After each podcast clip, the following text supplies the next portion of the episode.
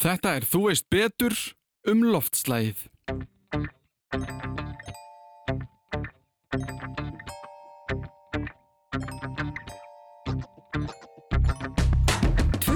og 1% af allir losun í heiminum kemur frá yðnarferðin. Sem er það bara búið alltaf þess að luti til. Já, og þá er ekki eins og taka með orkuna sem að þarf til að knýja ferðlan áfram. Og þeim meiri, meira sem við náum að gera til að takast á við vandan mm. og draga úr losun, þeim minni sásökafulla breytinga þurfum að takast á við. Það var á Íslandi eiginlega nánast engir jöklar fyrir, eh, fyrir 5.000 áru síðan. Það er allt í kringum okkur. Við sjáum það kannski ekki en án þess væru við ekki hér. En eftir því sem árin líða verðist koma meira í ljós hvað við hugsaum lítið út í það og hvaða áhrif við erum að hafa á það. Mér langar alltaf að vita meira hvernig við byrjum að hugsa svona út í umhverju okkar hvað er nákvæmlega sem er að gerast og hver framtíð okkar í sambandi við loftslagsmál er. Umræðafni þáttarins er gríðarlega stórt. Það væri hægt að gera sér þátt líklegast um mörg efni sem þið heyrið um í þættinum en ég og Guðrún Sæfarsdóttir, dósend við Háskólan í Reykjavík, fórum yfir þessi mál með það markmiði að skilja örlítið betur þetta sem að umlikur okkur öll. En eins og alltaf byrjum við á kynningu frá viðmælandanum sjálfum. Ég heiti Guðrún Sæfarsdóttir og er dósend í verkfræði hjá Háskólanum í Reykjavík. Ég tók BS og MS gráður í eðlisfræði eh, frá Háskóla Íslands, fór svo til Noregs og tók doktorsgráði í efnisverkfræði frá NTNU sem er stærsti tekniháskólinn í, í Nóri. Þar sem ég var að gera eh, segulströmm, fræðilegt reikni líkan á ljósbúa, mjög sérhæft. En þegar ég kom aftur til Íslands þá fór ég að kenna sagt, fyrst upp í Háskóla Íslands og svo setna við HR, fögur svo varmafræði og önnur orkutengt fög. Og og eins og við vitum þá er, eru orkumálinn og lofslagsmálinn nátengt svo að uh, þannig ægslæðist það að, að, að ég er í rannsóknum sem að snúa að því að dragu lofslags áhrifum í orkutengtu verkefni.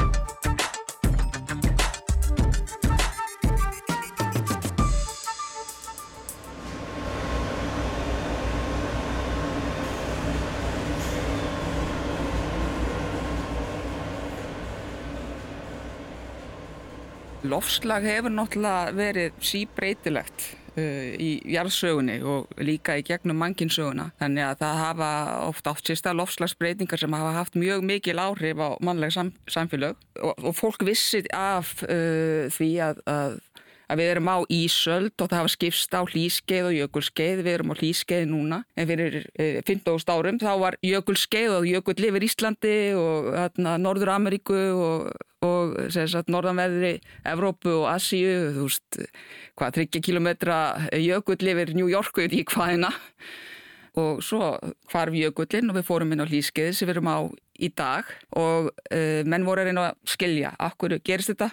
Ég held að hafi verið svíin uh, Svante Arrhenius sem að uh, fyrst kom fram með þá kenningu að hugsalega væri þetta eitthvað tengt í fyrsta lagi koldvísýringur sem að bindur í sig varmageislun á innröðasviðinu sem er sem sagt, eh, varmageislun er á. Eh, þegar sóljósi kemur inn til jarðar frá sólinni þá, þá fer það í gegnum andrúsloftið og jú, eitthvað, eh, þú veist, skíin grípir sig eitthvað og, og eitthvað kemst ekki í gegn en samt stór hluti af þessu sínilega sviði kemst í gegnum andrúsloftið og niður á jörðina, hitar upp yfirborðjarðarinnar og þá geislar yfirborðjarðarinnar frá sér varmageislun svo kallari sem er bara háð hversu jarðarinn að verður og það er þessi varmageislun sem kemur frá jörðinni sem koldvísringurinn grýpur. Þannig að, að, að það máli líta svo á að koldvísringurinn hindrar jörðina í því að losa sér aftur við þennan varma sem kemur frá sólinni, heldur, heldur varmanum inni. Þess vegna hlínar loftið. Hann kom fram með þá kenningu að þetta að, að koldvísringur hefði hlutverk í andrúsloftinu við að, að binda varma og meiri koldvísringur þýtti klýra lofslag greinlega, og hann var að nálgast það þá til þess að reyna að skilja betur uh, hvers vegna kæmu þessi lískeið og jökulskeið. Hvenar er þetta sem hann byrjar að pæli þessu? Cirka? Uh, ég held hann hafi komið fram með þessar, þessar kenningu sína svona rétt fyrir aldamóti 1900. Mm -hmm. Já, það er það langt síðan. Já, já, það er, þarna, það er býstan langt síðan uh, menn fór átt að segja á því að það væri þetta ykkur tengst. Mm.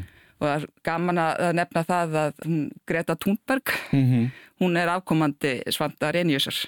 Já, er það? Þannig að ég veit ekki alveg nákvæmlega hvernig þau eru skild sko en pappinar sagt er komin Já, það er einhver genana, greinilega. Já. Uh, en sko, þú veist að því fyrir 15.000 árum, Já. þá eru við eh, ekki að kera bíla og nei, nei. Hérna, flugvilar og, og fleira. Sko, að því að þegar þú segir þetta svona, Já. þá pæli ég í, ok, þannig þetta er bara ringur. Við þurfum ekki að pæli í lofslagsáhrifunum núna að því jörðin mun alltaf resettast, skilur, og Já. fara inn á eitthvað, eitthvað, eitthvað ístímabil að því maður hugsa um hérna risaðlunar og, og þetta.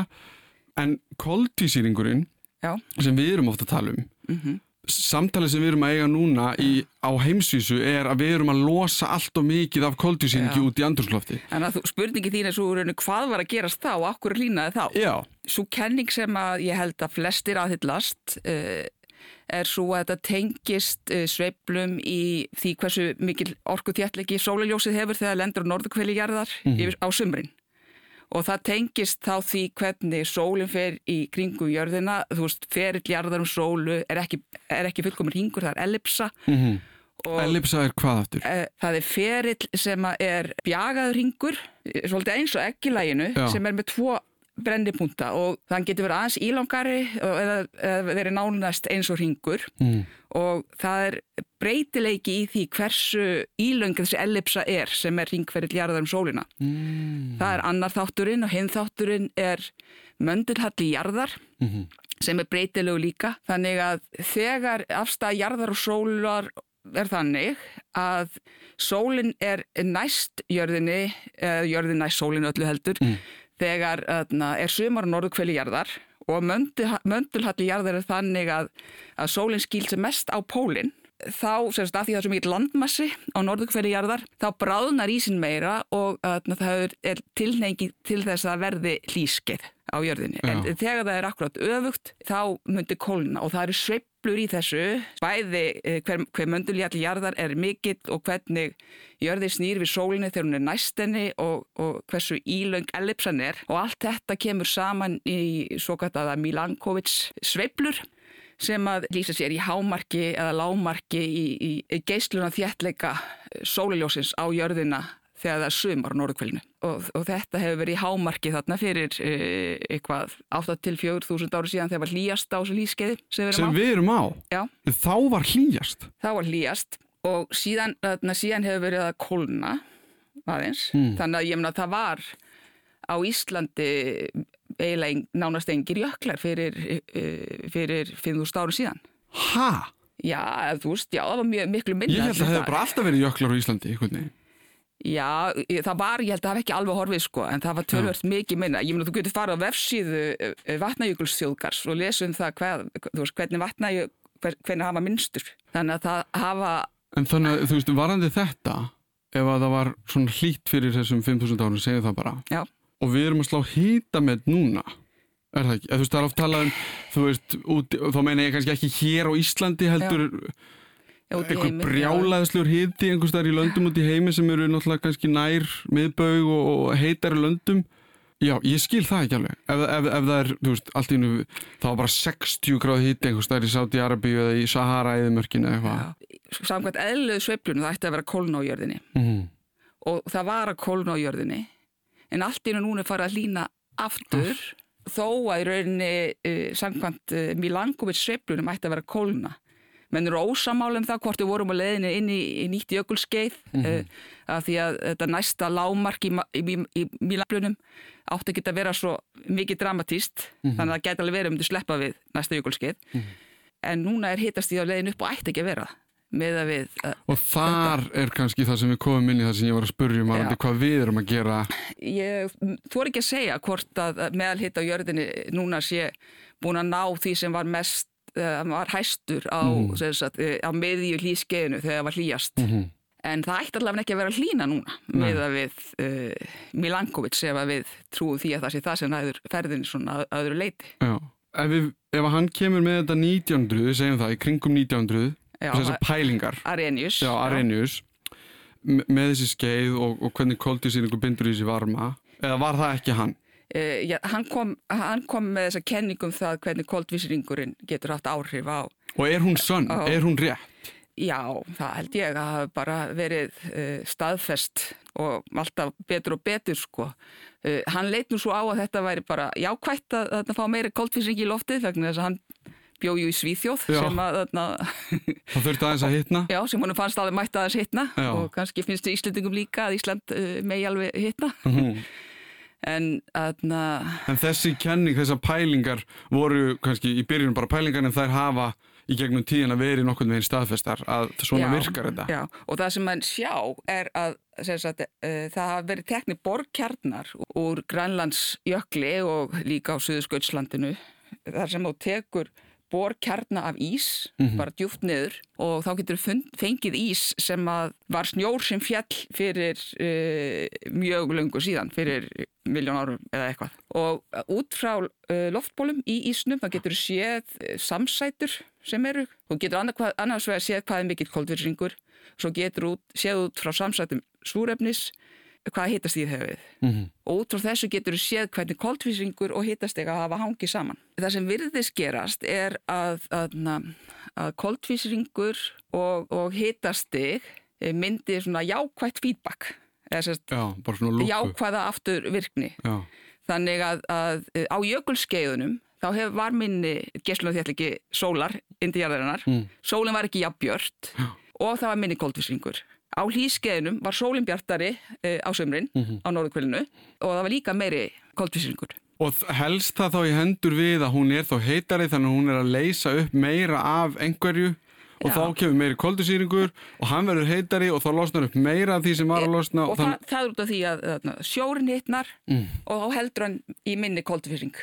af því að hann heldur í koldusýring. að þá fyrir koldvísing út í loftið Mhm. og þetta í koldvísing í loftinu ykst og þá hlínar meira Já, þannig að verður svona jákvætt feedback. já. Þannig að þetta er bara svona lúpa sem eldir alltaf halan á sér. Já, ymmit. En, en ég er bara að pæla sko eh, að því að það fólk sem neytar loftslags áhrifum Mhm. og því sem er í gangi sem að ég held að við getum sagt hér að ef frekar staðfest að er að gerast er það ekki? jú, Þú veist, gróðurúsa áhrifin, allt þetta það er að breytast. er ekki, það er ekki með álpappirshatt einhvers staðar að búa til kenningunum gróðurúsa áhrifin. Nei, nei. Það að rannsaka þetta allt saman frekar vel. Já, maður getur alveg rifist um sko, nákvæmlega hversu mikið mun hlýna, hvað mun gerast uh, náttúrulega þetta er spátnar eru byggðar á reiknilíkunum og, uh, og uh, starfið mitt er að gera reiknilíkun þannig ég veit alveg raunum mér að, að, að þau geta verið þú veist uh, uh, það sem fer inn í þau hefur áhrif á hvað kemur út úr þeim þannig að, að, að þótt mér vandi sig þá get, eru þau kannski ónákvæm en það er ekki spurning að, að, að hlínunin er að eiga sér stað svona meðaltala heimsvísu. En, en síðan getur náttúrulega orðið uh, kólnun sumstaðar og hlínun annar staðar en að þetta eru spurningum breytingar þess vegna er talað um lofslagsbreytingar frekar heldur en uh, endilega bara nattrana hlínun Já, já, einmitt. En ég pæli sko í fólkinu sem að er ekki á þeim vagni Já. og það hefur bara fullan rétt á því og bara fólk Já, má já, finnast það í... Já, það er skoðanafrelsi. Og málfrelsi, nákvæmlega. En uh, sko, kenningi sem kemur móti væri, ok, við erum svona núna, Já. en jörðin mun fara á þetta kuldatímabil, einhvern tíman Já. og í raun nulla þetta út. Hún mun gera það sama hvað, skilur mig. sko, ísöldin með öllum þessum jökulskeiðum og hlýskeiðum hún hefur verið svona kannski 2 miljónir ára þú þarft að fara kannski 2,5 miljón ára aftur í tíma til þess að finna tímabil það sem var herra koldvísingsmagn.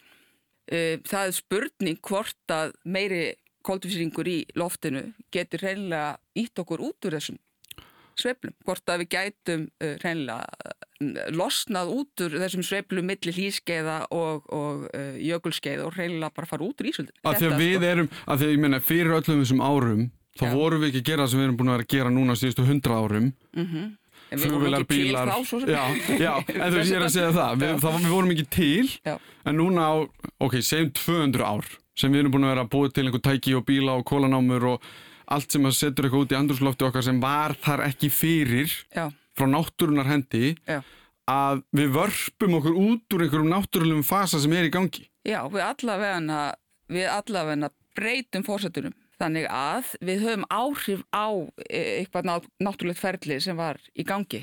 Gróðrúsáhrifin, þau er ekki alls, alls slæm að því að meðalhitti jarðar uh, yfir alla jörðina og yfir allt árið er svona cirka uh, 14 gráður eitthvað sluðis, minni mig. En ef það væri ekki fyrir gróðrúsáhrif vegna loftegunda eins og koldvísirings og vasku, þá væri meðalhitti uh, yfirborsjarðar uh, mínus 10-20 gráður. Þannig að það væri, við værum bara ísnöttur, skilur við. Þannig að, að, að þú veist, Einmitt. eh, þannig að, að það er ekki þannig að gróðrúsa áhrif yfir höfu séu alls læm, Já. heldur erum við bara að íta kerfinu á stað sem það hefur ekki verið áður á. Já. Þannig að, að þá verða breytingar. En gróðrúsa áhrif eru eins og þau hafa verið og eru bara mikilvægur þáttur í lofslægi jarðar. Hvort sem við höfum áhrif á, þú veist, magn koltvísingri eða ekki, er jákvæði þáttur. Eða er bara öðna, hluti af því að, að jörðin er lífanleg. Þannig að í raun gróðursáhrifin gera það verkum að við getum lifað í það Já, en við erum að íta gróðursáhrifunum í þátt að við gætum, ættum erfiðar með að lifa hérna. Já og allavega þyrstum að leggja meira á okkur og breyta, þú veist, fullt af hlutum sem er betra fyrir okkur þurfi ekki að breyta. Einmitt. Og eins og ég sagði áðan sko, þá líkur ekki alveg fyrir hvort við hefðum farið ofan í jökulskeið, sérst, værum að leiðin ofan í jökulskeið ef ekki væri fyrir uh, losunina eða ekki, vegna þess að uh, lámarkið í byrtu sólarinnar á sumrin, norðu, norðukvili, mm átt að geta verða það djúft í þessu. En við erum alltaf að tala um þúsundur ára, tugþúsundur ára og þessi breyting núna í, í koltisýringi sem að hefur átt sér stað frá umbyltingunni, sérstaklega síðustu 50 árin, Mm -hmm. er, er bara svo hröð, þetta er svo hraða breytingar og það er kannski það sem er aðal áhugjefni að ef að sérst, verða hraðar breytingar í uh, styrkkoldvísring sem valda lofslagsbreytingum sem eru til til að hraðar þá getur verið erfitt að aðlagast þeim að því að mannfólkið náttúrulega hefur, hefur gríðalega aðlögunar hefni það er nú enginni tegundurinnar þannig að við getum búið í þú veist, eh, í frumskóum uh, Suður Ameríku í Eidumörku, miðausturlanda og hérna norður undir heimskautsspög Mm -hmm. skilur við, en hins vegar þá að er bara mjög sásökufullt og erfitt að laga sig að miklum breytingum á loftslægi þegar við erum með einhverja innviði sem hendi einhverju öðru. Og þessir innviðir, að því mér langaði líka að tala um þá, að því að þú segir að við, það er allavega eitthvað síðan við byrjuðum að pæla í þessu að, og áhrifum hita og, koltvísýrings og, og þetta. Mm -hmm. Ef við hittum þetta fyrir svona löngu, Mm þessar kenningar, af hverju voru ekki byrjuð að pæla í ramagsbílum eða einhverju sem gefur ekki frá sér koltvísýring fyrir löngu, löngu síðan? Ei, eins og ég sagði með hann Svanda Renius, hann taldi þetta bara að vera jákvætt. Já, Það bara þetta þess. upp Já, og allt getur verið á bólnum og... og uh, menn voru held ég aðlar hrættur um að þetta inn í Ísöld og ég man það þegar ég var í jarfræði í uh, mentaskóla þá var í, í þeirri bók talað um það að jöklar væru að vaksa og sem þau voru að gera á, því, þeim tímabil jöklar uksu á Íslandu upp undir 1990 menn, menn heldu að við værum kannski að, að fara í jökulskeið Mm. ég held að hafi ekki verið almennt ekki þannig að allir hafi verið sammálum að það gæti verið raunin Mm. en það að líta á þetta sem stort vandamál það sé ekki nema kannski síðustu 50 árin sem að það hefur verið almennt talið að væri freka vandamál heldur en hitt og að það væri mjög alvarlegt sem vandamál. Mm. Og hvað gerum við þá? Þú veist, þegar við byrjum átt okkur á því að kannski þetta sé ekki neitt sérstaklega gott. Hverjar voru pælingarnar þá? Sko, hvað ætlum við að gera í þessu? Ég meina uh, Kyoto samkomulagi það var svona 95 Mm. eitthvað svo leis.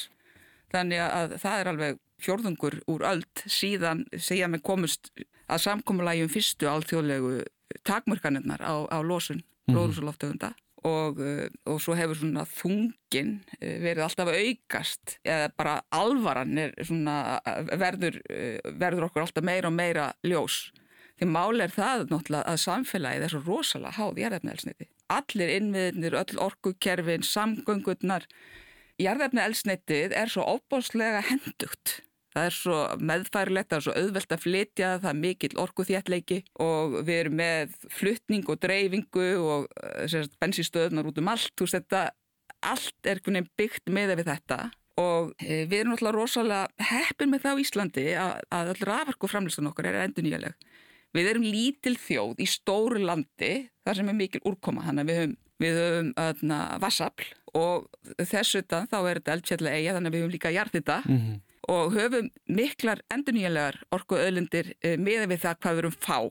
Þess vegna höfum við þetta raforku kerfi sem gerir það verkum að, að, að við getum til dæmis farið með eh, bílaflótan yfir á ramagn og bara losa okkur þá við alla þá losun sem kemur frá bensínunu eða díselnum fyrir, mm. fyrir e, eh, enga bíluna. Ef að þjóðuverjar eða bandarækjumenn fara allir á, á ramaspíla, hvaðan kemur ramagnir?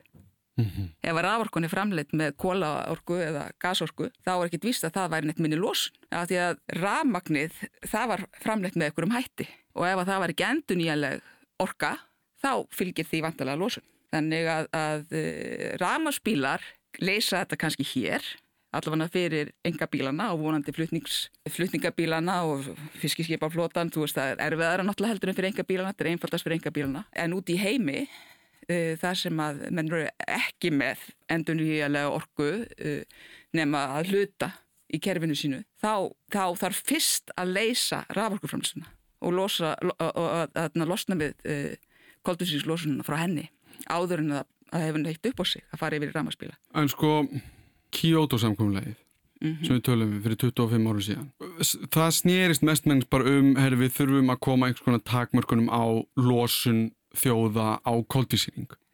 Gekk hann upp?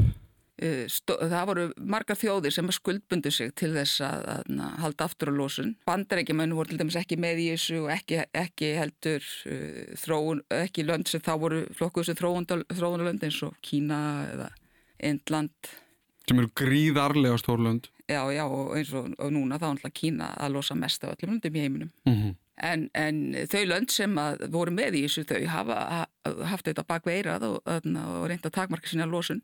En þetta var ekkert harður, hörð lína.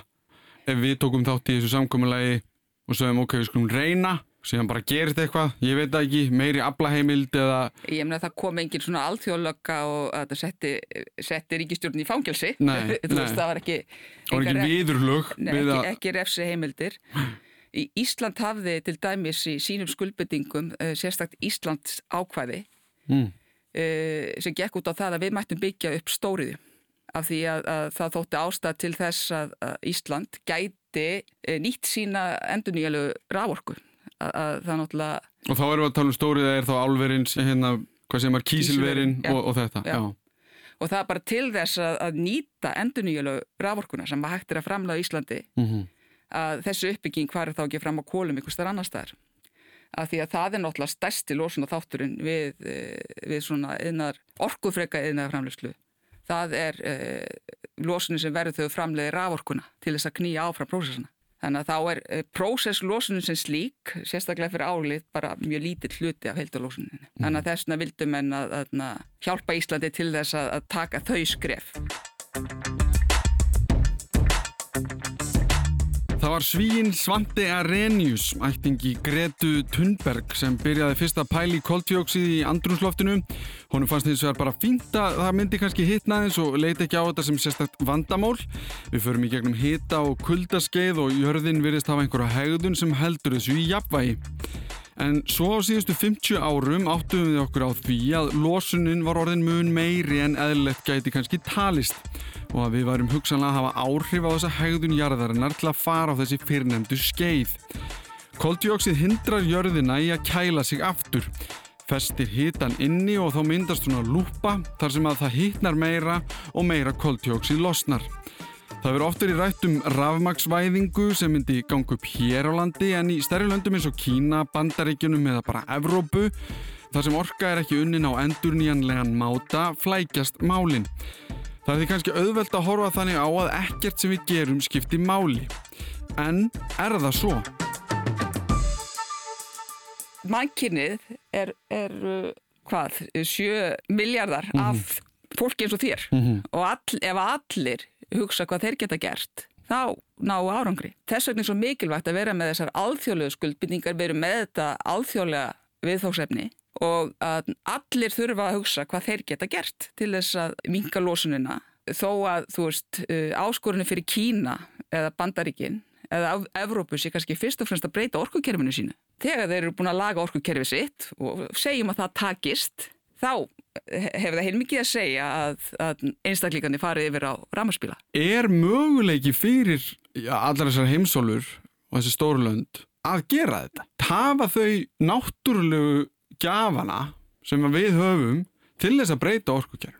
Uh, þetta er áskorun, ég meina það, það er engin spurning. Og það eru ímislönd sem er að leggja heilmikið á sig eins og það hefur verið mjög áhugavert að fylgjast með eins og Þísklandi sem hefur verið að færa sig yfir í vind og sól. Mér er að segja sól þótt þið séu tiltula norðarlega og henda ekki sérstaklega vel fyrir sólarorku mm -hmm. en, en það samt skiptir máli og eru komnir veist á sólríkum uh, vindarsumum dögum þá geta þær uppfyllt orkuþörfuna sína með endur nýjanlegum orkugjöfum en síðan á aðra daga þá þurfa þær að hafa heilmikið af, af jarðafni elsnitis drifinu orku til þess að fylla upp í þannig að þeir eru að sveibla Þetta er bara svo hybrid bíl eða eitthvað. Já og svo líka er þetta heilmikið álag fyrir orkukerfi nákvæmlandana. Það sem þeir eru að flytja inn orku og flytja út orku mm. stundum verið að framlega allt og mikið og aðna. Og hvað geta, geta með nota til þess að sveifla móti, til þess að fylla í skarði þegar e, e, vindunum blæs ekki, þá hafa þeir verið með bæði bara brúnkóla orkuver og svo líka náttúrgas orkuver, eða sem sagt metan bara náttúrgas. Mm -hmm sem er, uh, hefur bestu svona uh, sveiflu eigilegana mjög sveigalegt, þú fljótur að sitja stað og fljótur að skrúa niður í því. En þeim tekst að gera þetta líka við kólorkuverin sem að, að, að hafa yfirleitt verið litið á sko sem grunnafl, þannig að kólorkuverin þyrst að keira alltaf á sama afli. Eh, Mennið hafa þróa leiði til að geta nota þau til að sveifla líka. Mm. Þannig að, að þú veist, tæknið þróun hjálpar alltaf sko, en það er erfitt að ná að uppfylla eins og þú segir alla orkuþörfuna með uh, þessum endur nýjalega orkugjöfum uh, öðrum heldur en vassafli sem þú getur bara stjórna svo mikið eða jarðhita sem gefur svona grunnafl, jafn, jafn orku, jafn afl sem sagt. Það, þannig að leikillin í þessu soldið er, ef þú ert með mjög mikið af vindorku framlegslu, segjum, eða sólarorku, þá ertu stundum framlega allt og mikið og stundum ekki nóg. Eða þú þart að hafa einhverja tækni til þess að geima orkuna. Um. Ég held sko, ég veit ekki, það náttúrulega er umdeilt og öðna, alls ekki allir hrifnir ef ég segja það en, en ég held að menn ætti að hugsa alvarlega áður en þeir fasa alveg út kjarnorku. Það var einmitt það sem ég fór að pæli í, að því að kjarnorku ver hafa kannski ekkert sérstaklega gott orðspor á sér mm -hmm. af eðlilegum ástæðum mm -hmm. kannski, en eftir því sem ég skil best og ég veit ekki drosalega mikið um þau en að þá, ef þau virka mm -hmm. að þá virka þau frekar vel og, og sem sagt gefa mikið afl og menga lítið, lítið. Ef, að, að, ef þú skoða tölfræði tengt örgismálum þá hafa fæst uh, slís á fólki og döðsföll ef þú sko, berð saman uh, alls konar aðferð við að framlega orku þá er, virðist vera örgast að, að vinna við kjarnorku. Minnst að líkur á því að þú verði fyrir einhverju líkamstjóni. Og það er með hérna...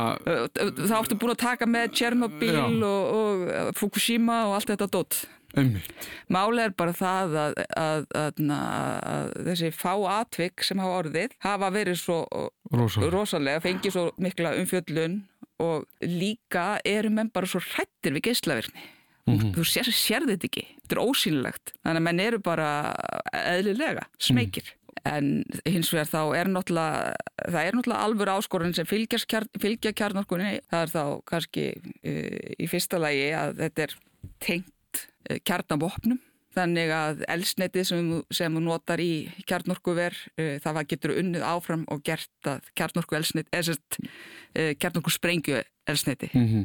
Og það er náttúrulega menn vilja hafa mjög mikla og góða stjórn á því og það má ekki komast í hendunar á hverjum sem er. Og þess vegna eru menn svona halda auðvitað með þessa tækni og vilja ekki endilega deilinu með öllum. Nú höfum við farið eins yfir orkumálin í kringum okkur Vandamálinn sem löndin barum allan heim eiga við þessa stundina er hvernig geta þau fært sig frá þessum orkugjöfum sem nánast öll kerfi heimsins eru búin til fyrir yfir í orkugjafa sem losa ekki jafn mikið af óæskilegum efnum út í andrumsloftið. En umræðefni þáttarins er örlítið flókið í þeim skilningi að við ætlum að ræða framtíðina þá er við í raun að ræða nútíðina í sömu andrá. Allt sem við gerum núna hefur áhrif á hvað er þá. Hvað er það þá sem við erum að gera núna og hvað þurfum við að gera? Við þurfum náttúrulega að gera betur sko. Í fyrstu Kyoto bókuninni þá gerði Íslands ákveðna skuldbyttingar og líka fjekk þetta íslenska ákvæðum það að byggja upp stóriðu og við stóðum alveg okkar á fyrsta tímanbílinu þannig að, að Ísland uppfyllir sína skuldbyttingar þá. Síðan uh, 2008 nýju þá var, var skrifað undir, undir uh, nýja Kyoto bókun, annað tímabil mm -hmm. sem var að klárast bara núnum áramót og Ísland stóð ekki við skuldbindingar sína þá. þá. Þá voru markmiðum samdrátt í losun, uh, þeirri losun sem er þá ábyrð Íslands. Síðan þurfum við líka að skoða, uh, sagt, að því við erum alltaf að vinna með Evrópusambandinu í þessum orku og losunamálum og við tökum þátt í ETS-kerfinu sem heldur utanum losunina og stóriðan er hluti af sammeilum skuldbendingum Európusambandsins varðandi yðnað og, og orkuframleyslu. Þannig að það er, er bara aðri hlutir sem er þó ábyrg, ábyrg Íslands. Hvernig vitum við hvað við losum mikið? Er, er það bara út frá reiknilíkunum? Þetta er þetta margir bílar? Þetta... Já, við vitum hvað er flutt mikið elsniti til landsins, til mm, dæmis, mm, og það er þetta reikn út frá því hvað losna mikið og þannig að það er eh, fyrst og fremst það síðan er, er lagt mat og það hvað losnar, losnar frá landbúnaði, uh, frá framræstu votlendi og þess áttar mm -hmm. og aðna, mér skilist reyndar að í þessum skuldbyttingum okkar uh, gagvart Európa-sambandinu og í Kyoto annars vegar og, og, og Parísarsankumunleginu hins vegar að það sé ekki alveg ljóst að hvað miklu leiti við getum fengið talið fram hluti eins og að, að, að, að endurheimta votlendi til þess að minka kólefnislósun þaðan mm -hmm. sem hluta af okkar framlægi og það er líka eitthvað takmörkun á því hvað skórekt telst Núla út, eða já, þú veist, að vinna gegn já.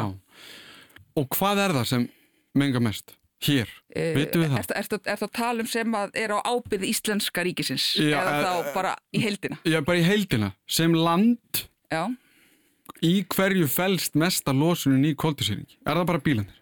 Uh, sko, ef, ef við tökum allt, líka það sem fellur undir ETS-kerfið þá er það flýið og stóriðan Mm -hmm. reyndir ekki 2020 vegna þess að þá var ekkert flug en, jú, jú, já, það, en, er, það er svona hérna, súkulega ár. Það já, telst ekki en þú veist, það var allt svo skrítið þá. Já, akkurat, en svona 2018 þá var flýið held ég stærst ef þú telur bæði Amerikaflug og innanlandsflug. Mm -hmm. nei, Amerikaflug og Evrópaflug það er bara Evrópaflugið sem að er í ETS-kerfinu síðan er það stóriðan og prósesslósurinn frá stóriðinni og svo er það uh, þessir innanlandsþættir sem eru þá fluttningar, engabílar, skipin og svo losun frá landbúnaði og annari starfsemi.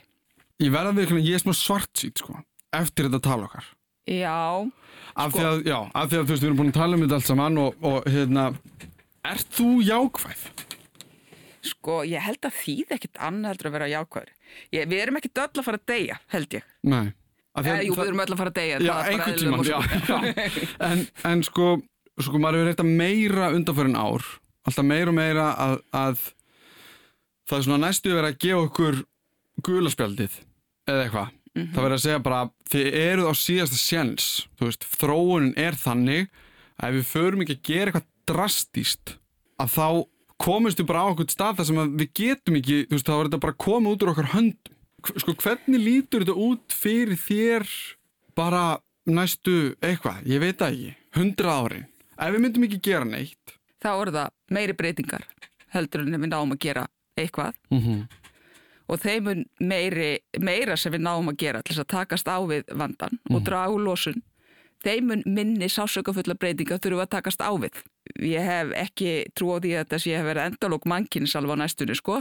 Þú veist, það getur orðið, orðið eh, viðskiptatækifæri að, að selja Evrópabúum uh, loftkælingu Já, eða bara komið komi hinga það er kaldara hér heldur en Já. Já, síðan er náttúrulega annað sko að, að, að þegar við horfum á Ísland sérstaklega sko það fólki finnst kannski eitt hljó, mjög illa ef það hlínar en þetta gæti þýtt kólnun fyrir Ísland hvernig þá?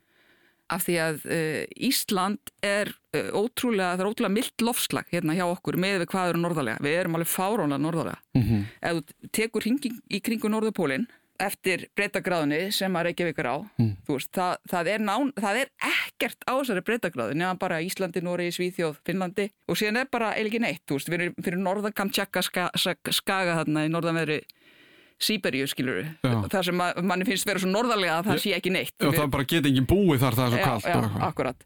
Og það er bara ótrúlega mildt lofslag hjá okkur Mm. með við það. Og það byggir á uh, gólströmmnum sem ber varma til okkar úr suðurhöfum. Þannig að það verður uh, mildara lofslag hérna heldur en ætti að vera með við nattstöðu og, og það er sér satt uh, ákveðir ringrás sem keirir hennar gólströmm áfram sem að, sem að byggir á uh, djúpsjáarmyndun uh, í norðurhöfum fyrir norðan Ísland annars vegar og svo líka uh, við Labrador og eitthvað að það myndast ís, uh, þá verður meira seltusti í sjónum og þá verður sójurinn þungur og sekkur og þá tóður það til sín sjóin uh, sunnan frá ofan á í yfirborðinu og myndast kaldur sjór við botnin sem streymur eftir botninum aftur söður.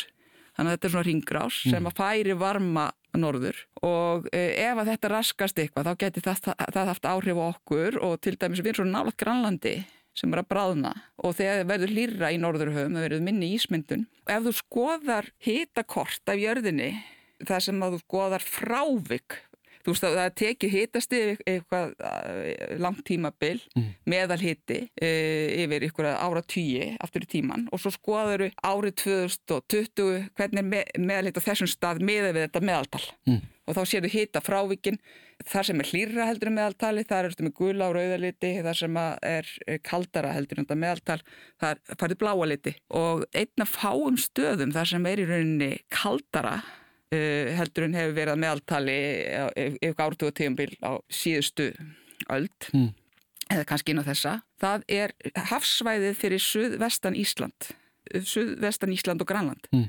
það er svona blá klessa í sjónum Og það er brúst að kallt af því að jökullin er að bráðna. Það er grænlegsísin er að bráðna mynda ferskvatn sem flýtur ofan á og atna, það, það voru lítið talað um þetta sko en við sjáum þetta þegar koma sumur þar sem er mikið af suðvestanáttum þá er bara umlött viður.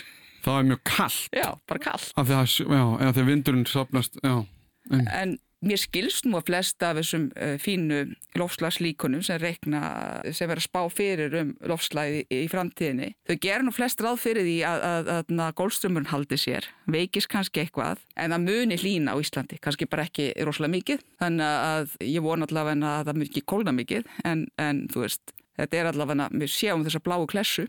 En, en sko, þú, er svo, þú segist vera svart nei, sko, ég er ekki endilega á því að það sé neikvætt Já. að fá svona raunsætt mat, Já, skilur mig. Af því að ef að, það þarf að sparki í okkur. ég er að segja það, Já.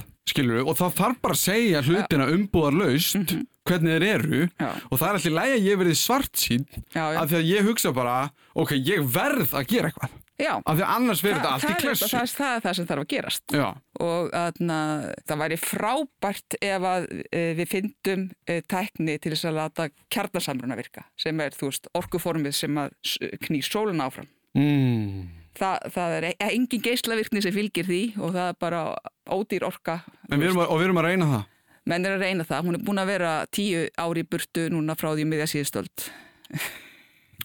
En þannig að það, veist, það hefur ekki tekist, það er svo rosalega erfitt að, að, að stýra plasmanu við þær aðstæður sem að þú getur látið vettinskjarnar saminast að, að það er, meira orku inn heldur en þú farið út. Það hefur ekki tekist ennþá. Kanski ver, verður kaldur kjarnasamruni, ykkur bylting þar. Mm. Uh, ef við fengjum kjarnasamruna sem orkuform, það myndi hjálpa gríðarlega. Já. En þá er líka eftir, uh, sko, mannkinn er samt ekkert, þú veist, það, það dreigir mjög úr, úr vexti mannkins, þannig að það, það lítur ekkert svo illa út. En sem betur fer hefur fátakt verið að minga og fjöldi fólk sem að getur veitt sér svona miðstetta lífstíl hefur verið að vaksa í heiminum. Og það þýðir að, að, að það meiri neysla og það er meiri efni og, og uh, alls konar til að standa undir því til að búa til allir þessar hluti sem allt þetta fólk vil fá þegar allir vilja fá sinn bíl og sinn iPad og þú veist, allt þetta dótar í og uh, 21% af allir losun í heiminum kemur frá eðnarferlum sem er það bara að búa alltaf þessar hluti til Já, og þá er ekki eins og taka með orkuna sem að þarf til að knýja ferlana áfram heldur þetta er ég bara að tala um það sem losnar þú veist frá við sjálfa framleiðsluna já. Já. Sem, veist þessi losna við sementsframleiðsluna eða veist við rafgreiningu álsins þótt að sé tífalt meira sem losnar við að framleiða orkuna. En þetta er bara prósessin sem ég er að tala um núna. Þannig að ef við kaupum eitthvað út í búð að þá, skilur, það er eitthvað sem losaðist að búa þennan hlut til já, já. en síðan losaðist líka eitthvað til þess að búa til orkuna til þess að búa þetta til. Já, akkurat. Og það sem þarf, sko, það sem ég, nú ætla ég að segja bara það sem Ok. ég vil gera. Ok, uh, ég vil gjörbreyta uh, skattheimtu í heiminum og láta hana byggja á, þú veist, í staðan fyrir að taka virðisöka að vöru sem kaupur út í búð þá borgaru fyrir kólefnisfótsporið sem fór í að framleiða vöruna. Með því að, að láta uh, verðið á vörunni tengjast kólefnisfótsporinu þá er það kvati fyrir framleiðendur að fara yfir í uh, framleiðsluferla sem að hafa minni losun og fara í þróun og rannsóknur og þróun til þess að breyta ferlum sínum. Þannig að hún getur losnað við losunina. Hvort sem það uh, væri þá sagt, föngun uh, koldvísýrings og förgunans eins og til dæmis með Carpix já. íslensku sem að, að sem að orku veitan og Háskóli Íslands stóðu fyrir. Mm. það, það er rauninni er koldvísýringnum bara breytti grjót. Mm og ef þú fangar koldvísýring frá yðnaðarferlum og að, bindir í grjót þá ertu, þú veist, ertu að ráðast á þetta 21% og svo eru líka aðra leiðir, þú veist, þróa nýja prósessa og, og þetta. Það þarf að setja fókus í að rannsóknir og þróun á þessu sviði. það er náttúrulega á ríki hvers lands, er það ekki? Þú veist, ef að íslenska ríkið myndi segja, heyrðu, þessi skattur, við ætlum að byrja með hann. Ég meina, af því ég og þú getum ekki gert það. Nei, nákvæmlega og ríki hvers lands, eh, í rauninni þyrfti þetta að gerast alþjóðlega Já, en já, Og- það er kannski aðeins flóknara mál. Já, ég veit að, ég held að Evrópa er að, að, að hugsa í þess átt en þú veist, hvernig maður útfæri það þú veist, þetta er náttúrulega flókið Mhm. Eh, ég varpaði þessu fram, en hvernig ætlar að, að, fylgjast með því, þú veist í, í þessum iPad er Mhm. að, þessir málmar og fullt af íhlutum og hvað er þetta framleitt og þetta framleitt og þetta framleitt og hvað efni fóru þar í og þú veist, Mhm. allt þetta það er mjög flókið að gera það en það, ef að það yrði gert þá meiriði fólk uh, annars verður miklu meðvitaðara um uh, losunan sem fylgir neyslunni og uh, það myndi líka gera það auðveldra fyrir framleiðendurnar að velja kannski dýrari framleiðslu aðferðir sem að hef, hefðu minni losun í för með sér. Já, af því að þetta eru skrefin sem við þurfum. Veist, við þurfum stór skref, við þurfum Já, ákveðin skref til þess að takast á þetta. algjörlega. Og það þarf líka að hugsa í lausnum. Það er, öðna, ef við horfum til dæmis á álið sem er framleitt á Íslandi og margir vilja sagt, ho- horfa á losununa sem verður uh, við þá framleiðslu segir þessu ok, við hættum þeirri framleiðslu þá mingar þessi losun en það er bara þannig að uh, endurvinnsla á áli uh, dekkar kannski fjórðung af þörfinni. Þannig að í dag er það þannig að, að, að veist, það, það er kannski 80% af því áli eða 70-80% því sem að fellu til það er endurunnið og það næra uppfylla svona fjórðung af þörfinni. Og það er bara, þú veist, af því að það er, fólki er að fjölga sem þarf hluti eða vill hluti. Og það er verið að byggja hús og það eru klæ, klæningar, það eru álprofílar, það er alls konar. Þannig að, að eh, það verður áfram þessi frumframleysla. Þanga til að, að, að þú veist að fellur orðið til jafn mikið eins og e, þarf að nota og það verður kannski vonandi eh, tilfellið eftir ykkur ára tíi en á meðan endurvinnslan er svona langt frá því að uppfylla þörfina þá skiptir máli að frumframleysla sé með eins lítill losun eins og hægt er. Sko, mér langar til að spyrja einu, einu spurningu. Ok, Það er bara að þegar við vorum að tala um ískeið, eða hvað kallar þetta, jökulskeið, eða hvað þetta kalda já, já, jökulskeið, jökulskeið Já. og síðan hlýskeiðin. hlýskeiðin. Er einhver möguleiki á því að við förum að upplifa þetta á minni skala, þar sem að veturinn okkar verður harðari og sumurinn heitari? Þú veist, ég er bara að pæla í svona hvernig maður uh, er, hefur verið að upplifa heiminn. Þetta er alveg rétt sem þú ert að segja sko, uh, hluta því sem að gerist með þessum lofslagsbreytingum er að það verða meiri öfgar. Mm -hmm. Þannig að það verða, þú veist, uh, þú getur lendi heitari hita, hitabilgjum eða kaldari kuldaskeiðum. Mm -hmm. Þannig að, að, að, að það fylgir þessum lofslagsbreytingum að það geta orðið meiri öfgar, að þurkar verði verri Mm -hmm. og þurkar tímabil lengri og, að, og verði meiri úrkoma þegar, þegar, þegar kemur úrkoma. Þannig að það er alveg hluta því sem að menn hafa verið að spá fyrir um og svo líka að það hlýtur eiginlega að hækka yfirborð sjáar eftir því sem það hefur annars vegar sjórin hlínar og þennst út, bara út að varma þennslu. Og... Já, hann hverfur ekki. Hmm. Þú veist, af því ég held sko þegar þú hitar upp, þessi, þegar það fyrir á sjóin Já. og hann hitnar, Já. af því að vatn, það bara guðvar upp. Já, það verður meira líka í, í loftinu. Mm -hmm. Það verður meira loftræki. Mm -hmm. En, en líka færðu varma þenslu, ég meina hlutir sem að hitna þeir yfirleitt þennjast út. Þannig að, að meðaltal yfirjörðina þá mun, mun vatni í sjónum taka meira plásur. Og síðan ertu með e, bráðnun á jöklum sem eru á landi og það bætist við. Þannig að það hækkar sjáarstaða að meðaltali og það skiptir máli e, á lálendur svæðum sérstaklega. Ég menn er að spá kannski hvað 40 til 60 cm hækkun út ölduna eða eitthvað sluðis. Mér minnir að það hafi verið, það var ykkur skýsli fyrra frá IPCC. Á þessari öld Já. að er þið 40 til 60 cm hækkun á sjávar. Meðaltali, já. Það er frekar mikið, er það ekki? E, svo, svo er það náttúrulega mistreift líka. Já. Það gerist, er ekki eins mikið allstar, þannig að sumstað kannski er það verða, ég svo, svo ertu sumstað með landið að síga og annars það er landar ísa og þarna og á lálendum svæðum þá öðna, þar sem að land er að síga þá getur þetta gert það miklu verra. Ég, það getur verið að verði nóg að gera fyrir öðna, fyrir hollenska varnargræða varnargarða verkfræðinga Já, varnargarða verkfræðinga, þetta er gott í framtíðinni. En þannig að bara svona svo við súmurum þetta upp við vitum hvað er í gangi. Já. við vitum hvað er að orsaka þetta. Mm -hmm. og það er ekki hægt að neyta því á neitt nátt Nei, ég menna það er að breyta. Ég, ég, ég, ég vil segja það bara beint já. út svo að sé bara alveg, já. svo að fara ekki á milli mála, eitthvað svona já en, þetta er bara í gangi. Já, það eru breytingar í gangi. Já, og við vitum hver orsökin er, mm -hmm. þannig að við vitum tæknilega sér hvað við þurfum að gera. Mm -hmm. Og nú er það bara spurningum hvernig við ætlum að gera það, því annars mm -hmm. fer bara illa.